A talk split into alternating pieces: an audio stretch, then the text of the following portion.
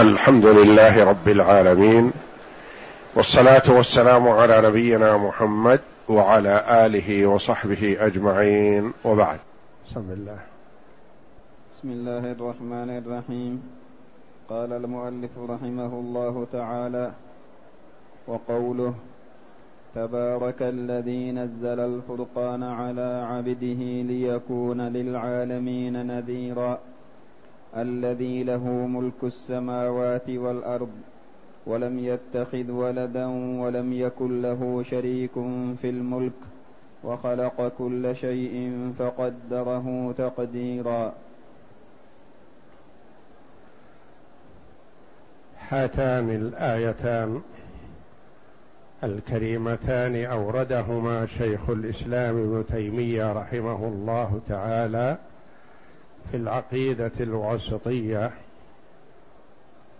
لإثبات للدلالة بهما على ما اثبتتا من صفات الباري جل وعلا. صفات ثبوتية وصفات منفية.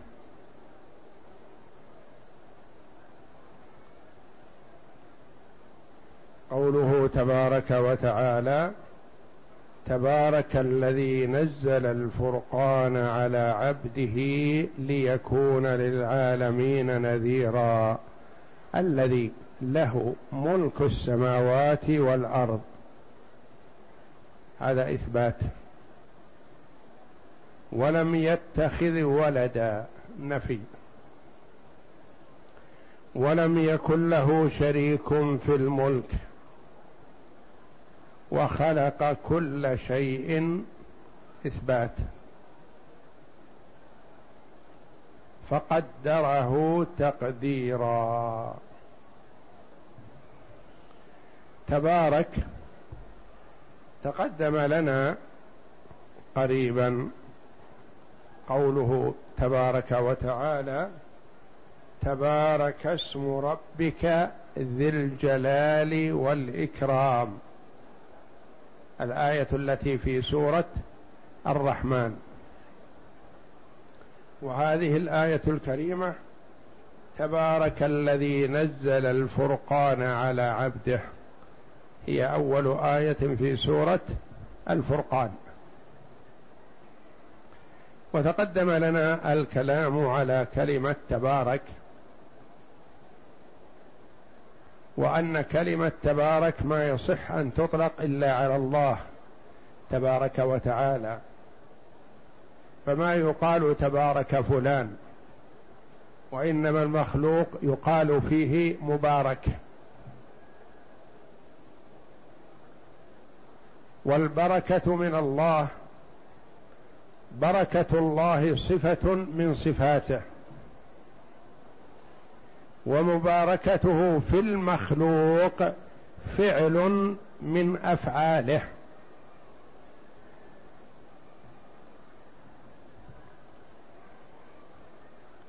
واسم الله جل وعلا إذا حل في شيء أو ذكر على شيء صار الشيء مبارك. وإذا خلا من الشيء انتزعت منه البركة وصار لا خير فيه. كل أمر ذي بال لا يبدأ ببسم الله فهو أقطع أو أبتر أي ناقص البركة.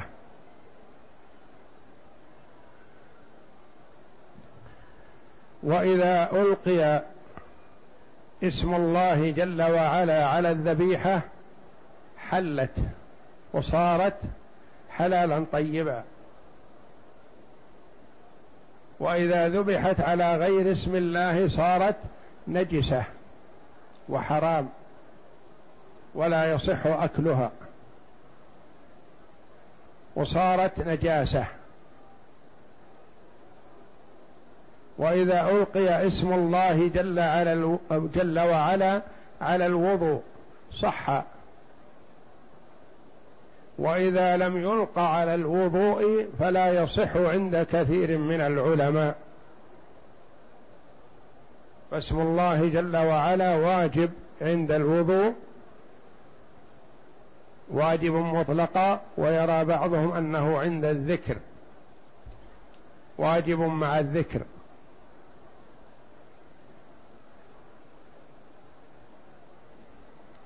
ومعنى تبارك التي هي صفة من صفات الله تبارك وتعالى بمعنى تعالى وتعاظم. فهو عالي القدر عظيم القدر في النفوس. وله العلو المطلق تبارك وتعالى. علو القدر وعلو القهر وعلو الذات. فالعلو أنواع. علو القدر وعلو القهر وعلو الذات. ولا تجتمع هذه حقا إلا لله تبارك وتعالى. فله علو القدر في النفوس والقلوب تعظمه وتجله. وله علو القهر فهو القاهر جل وعلا لجميع خلقه. وله علو الذات فهو جل وعلا مستو على العرش فوق السماوات العلى بائن من خلقه. العرش هو سقف المخلوقات. والله جل وعلا مستو على العرش استواء يليق بجلاله وعظمته. وهو جل وعلا غني عن العرش وعن غيره. والكل مفتقر إليه تبارك وتعالى. وفي المخلوقين قد يكون المرء علو له علو القدر. علو القدر يعني تحبه القلوب وتألفه وتطمئن إليه كمحبتها مثلا للعلماء. لهم علو قدر عند الناس لكن ليس لهم علو قهر فليسوا آمرين ولا ناهين. وليس لهم علو ذات بل هم يمشون مع الناس. وقد يكون المرء له علو القهر متسلط على الناس يأمر وينهى وقاهر للناس على حسبه لكن القلوب لا تألفه ولا تحبه وهو في المستوى مع الناس يمشي. ليس له علو ذات وإنما له علو قهر متسلط. وقد يكون المرء ليس له علو قهر ولا علو قدر لكنه له علو ذات بأن كان في مكان عال رفيع. في مكان عالي عن الناس يقال له علو ذات يعني له على حسبه. وكلها هذه التي تكون في المخلوق ليست بشيء بالنسبة للخالق تبارك وتعالى لكن من باب التقريب. وإلا فعلو الله جل وعلا علو القدر وعلو الذات وعلو القهر لا يشابه شيئا من صفات المخلوقين. تبارك تعالى وتعاظم وتنزه وتقدس سبحانه وتعالى. الذي نزل الفرقان على عبده. كلمة نزل تشعر بأنه نزل شيئا فشيئا.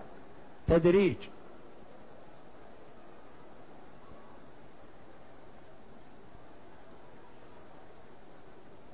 فالله جل وعلا نزل القرآن تنزيل يعني تدريج. كلما سأل المشركون شيئا عن شيء جاء الجواب من الله. وكلما حان وناسب تشريع شيء نزل به القرآن من الله تبارك وتعالى.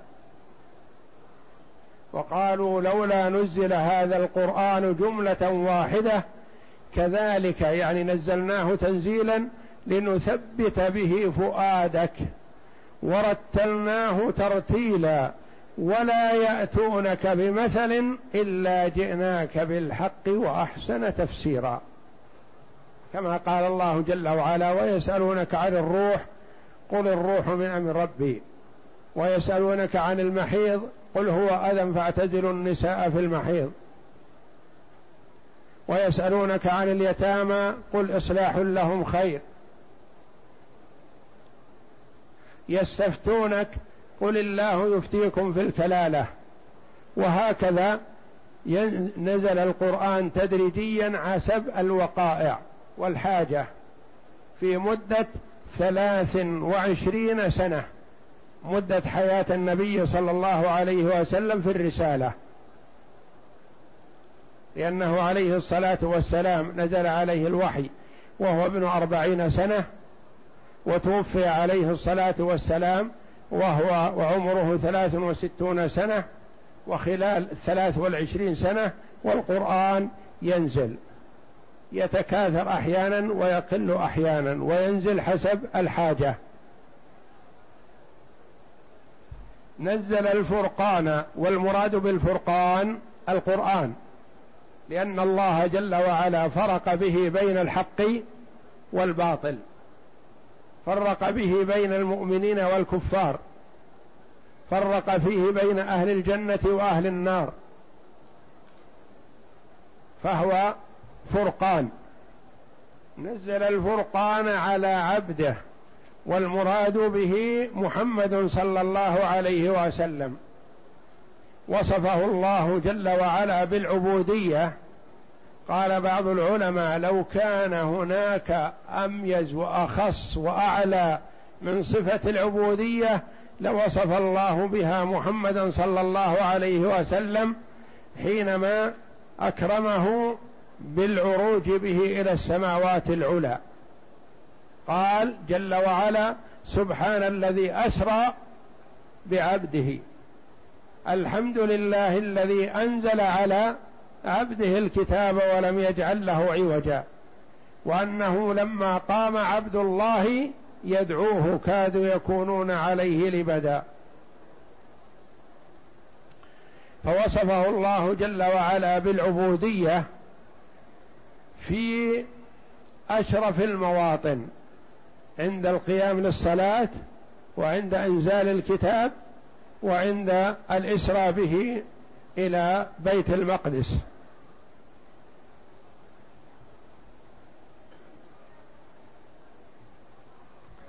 فالعبودية صفة شريفة صفة عظيمة. أخص الخلق بها هو محمد صلى الله عليه وسلم. ثم الناس بحسب خضوعهم وعبوديتهم وتذللهم لله جل وعلا. لأن عبادة الله عز وكرامة. يكرم الله جل وعلا بها من شاء من عباده فيصطفيه لعبوديته ويتمكن منها أكثر من غيره.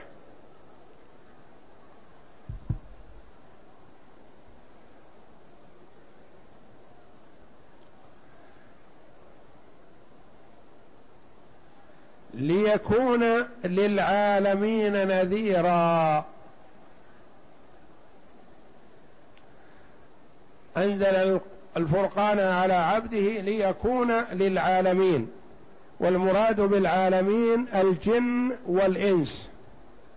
فالنبي صلى الله عليه وسلم مرسل إلى الثقلين الجن والإنس.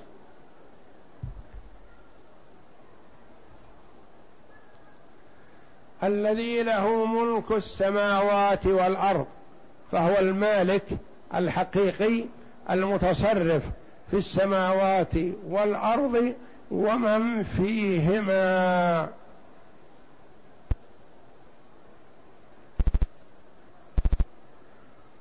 ولم يتخذ ولدا لم يتخذ جل وعلا ولد فهو منزه عن ذلك لأن الولد يشابه ويماثل أباه. والله جل وعلا منزه عن المشابهة والمماثلة. والمرء يحرص على الولد ليعينه. والله جل وعلا غني عن ذلك. والمرء يحرص على الولد ليكون ذكرا له بعد وفاته. والله جل وعلا هو الحي الدائم الذي لا يموت. فهو جل وعلا منزه عن الولد كما قال تعالى لم يلد ولم يولد ولم يكن له كفوا أحد. ولم يتخذ ولدا ولم يكن له شريك في الملك فهو منزه عن الشريك تبارك وتعالى. فالمخلوق أحيانا في الأمور الكبيرة والجليلة ما يستطيع أن يقوم بها واحد. يبحث عن شركاء كما هو الحال مثلا الآن في الشركات.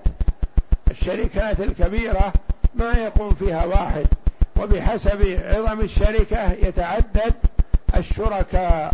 والله جل وعلا منزه عن ذلك لأنه ليس في حاجة إلى من يعينه ولا يساعده ولا يقوم بالأمر معه.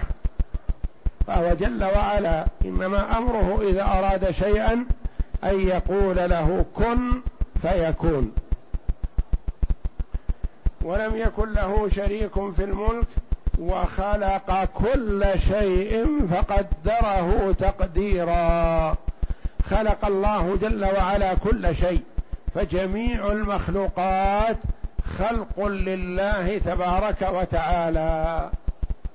خلافا للطوائف الضالة من الأمم السابقة ومن الطوائف المنحرفة عن الصراط المستقيم ممن ينتسبون إلى الإسلام. من الطوائف الضالة من الفرق القديمة الذين يقولون إن الله المجوس الذين يقولون إن إله الخير غير إله الشر. فالذي خلق الخير النور عندهم والذي خلق الشر الظلمة. فيعترفون ويؤمنون بخالقين. مجوس هذه الأمة القدرية الذين ينفون أن الله خلق أفعال العباد. والله جل وعلا هو خالق العباد وأفعالهم. وخلق كل شيء مخلوق. خلق كل شيء مخلوق. وأما الشيء غير المخلوق التي هي صفات الباري تبارك وتعالى فلا تدخل في هذا. والذين قالوا بخلق القرآن كأنهم استدلوا بهذه الآية وهذا خطأ. فالقرآن كلام الله وكلام الله صفة من صفاته وصفات الله جل وعلا ليست بمخلوقة. بل هي دائمة أزلية ثابتة لله تبارك وتعالى. وصفات الله جل وعلا منزهة عن أن تكون مخلوقة. ومن المعلوم أنه الاستعاذ أن الاستعاذة بالمخلوق لا تجوز. والنبي صلى الله عليه وسلم يقول أعوذ بكلمات الله التامة. فدل على أن كلمات الله ليست مخلوقة والمراد وخلق كل شيء يعني يطرأ عليه الخلق كل شيء مخلوق. وأما صفات الباري فلا تدخل في هذا. وخلق كل شيء فقدره تقديرا. يعني قدر الأشياء جل وعلا قبل أن يخلقها ثم خلقها كما قدرها لأن الله جل وعلا قدر مقادير الأشياء كما ثبت في الحديث الصحيح قبل أن يخلق السماوات والأرض بخمسين ألف سنة وكان عرشه على الماء قبل خلق السماوات والأرض بخمسين ألف سنة قدر هذه الأشياء كلها فجاءت في وقتها وحسب ما قدرها الله تبارك وتعالى.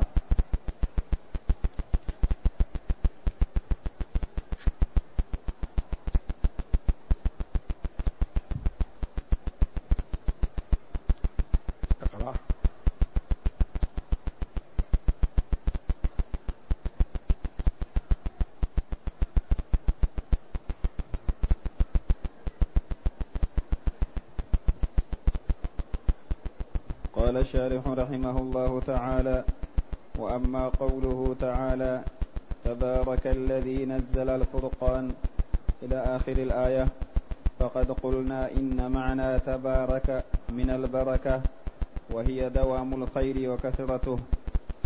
ولكن لا يلزم من تلك الزيادة سبق النقص.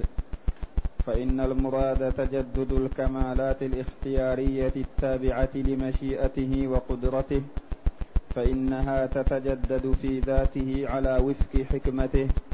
فالخلو عنها قبل اقتضاء الحكمة لها لا يعتبر نقصا.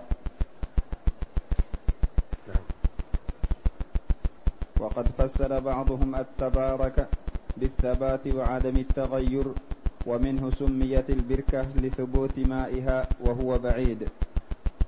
والمراد بالفرقان القرآن سمي بذلك لقوة تفرق تفرقته بين الحق والباطل والهدى والضلال والتعبير بنزل بالتشديد لإفادة التدرج في النزول وأنه لم ينزل جملة واحدة. والمراد بعبده محمد صلى الله عليه وسلم والتعبير عنه بلقب العبودية للتشريف كما سبق. والعالمين جمع عالم وهو جمع لما يعقل واختلف في المراد به فقيل الإنس وقيل الإنس والجن وهو الصحيح. الصحيح أن المراد به الإنس والجن لأن الرسول عليه الصلاة والسلام نذير للإنس والجن فهو مرسل إلى الثقلين الجن والإنس. نعم. فقد ثبت أن النبي صلى الله عليه وسلم مرسل إلى الجن أيضا وأنه يجتمع بهم ويقرأ عليهم القرآن وأن منهم نفرا أسلم وقد خرج عليه الصلاة والسلام إليهم ووعدهم وخرج معه بعض الصحابة أحيانا ويجلسهم بعيد عن ما يقربون منه لأنهم ما يستطيعون الجلوس مع الجن. والله جل وعلا أقدر عبده محمدا صلى الله عليه وسلم للجلوس معهم ومخاطبتهم فهو يخرج أحيانا مع أبي هريرة ومع غيره فإذا قارب المكان الذي واعد فيه الجن أجلس الصحابي الذي معه قال لا تبرح مكانك. لا تبرح مكانك. ثم يتقدم هو صلى الله عليه وسلم ويأتون إليه ويسألونه ويتحدث معهم ويبين لهم عليه الصلاة والسلام ويذهبون نذر إلى قومهم. كما قص الله جل وعلا ذلك في كتابه العزيز في قوله تعالى قل أوحي إلي أنه استمع نفر من الجن. الآيات وفي غيرها. نعم. وكان الصحابي الذي يجلسه يسمع اللغط والكلام يقول إنه كاد أن يذهب إليهم. يخشى على النبي صلى الله عليه وسلم لما يسمع. فلولا أن النبي قال له لا تبرح مكانك يقول لا تقدم ولو تقدم لتضرر وما استطاع لأنه ما يستطيع أن يقف مع الجن. نعم.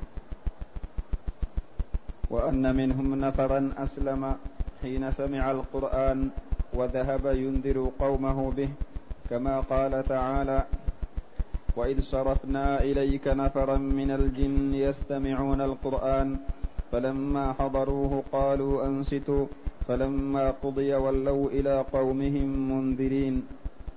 والنذير والمنذر هو من يعلم بالشيء مع التخويف وضده البشير. فرق بين المنذر والمبشر. المبشر الذي يعلم ويخبر بالشيء السار. والمنذر هو الذي يخوف من شيء. منذر يقول عليه الصلاة والسلام منذر جيش يقول صبحكم ومساكم. يقول أنا أنذركم. يعني أخوفكم من عذاب الله جل وعلا. نعم. وضده البشير أو المبشر وهو من يخبرك بما يسرك. والله أعلم. وصلى الله وسلم وبارك على عبده ورسول نبينا محمد وعلى آله وصحبه.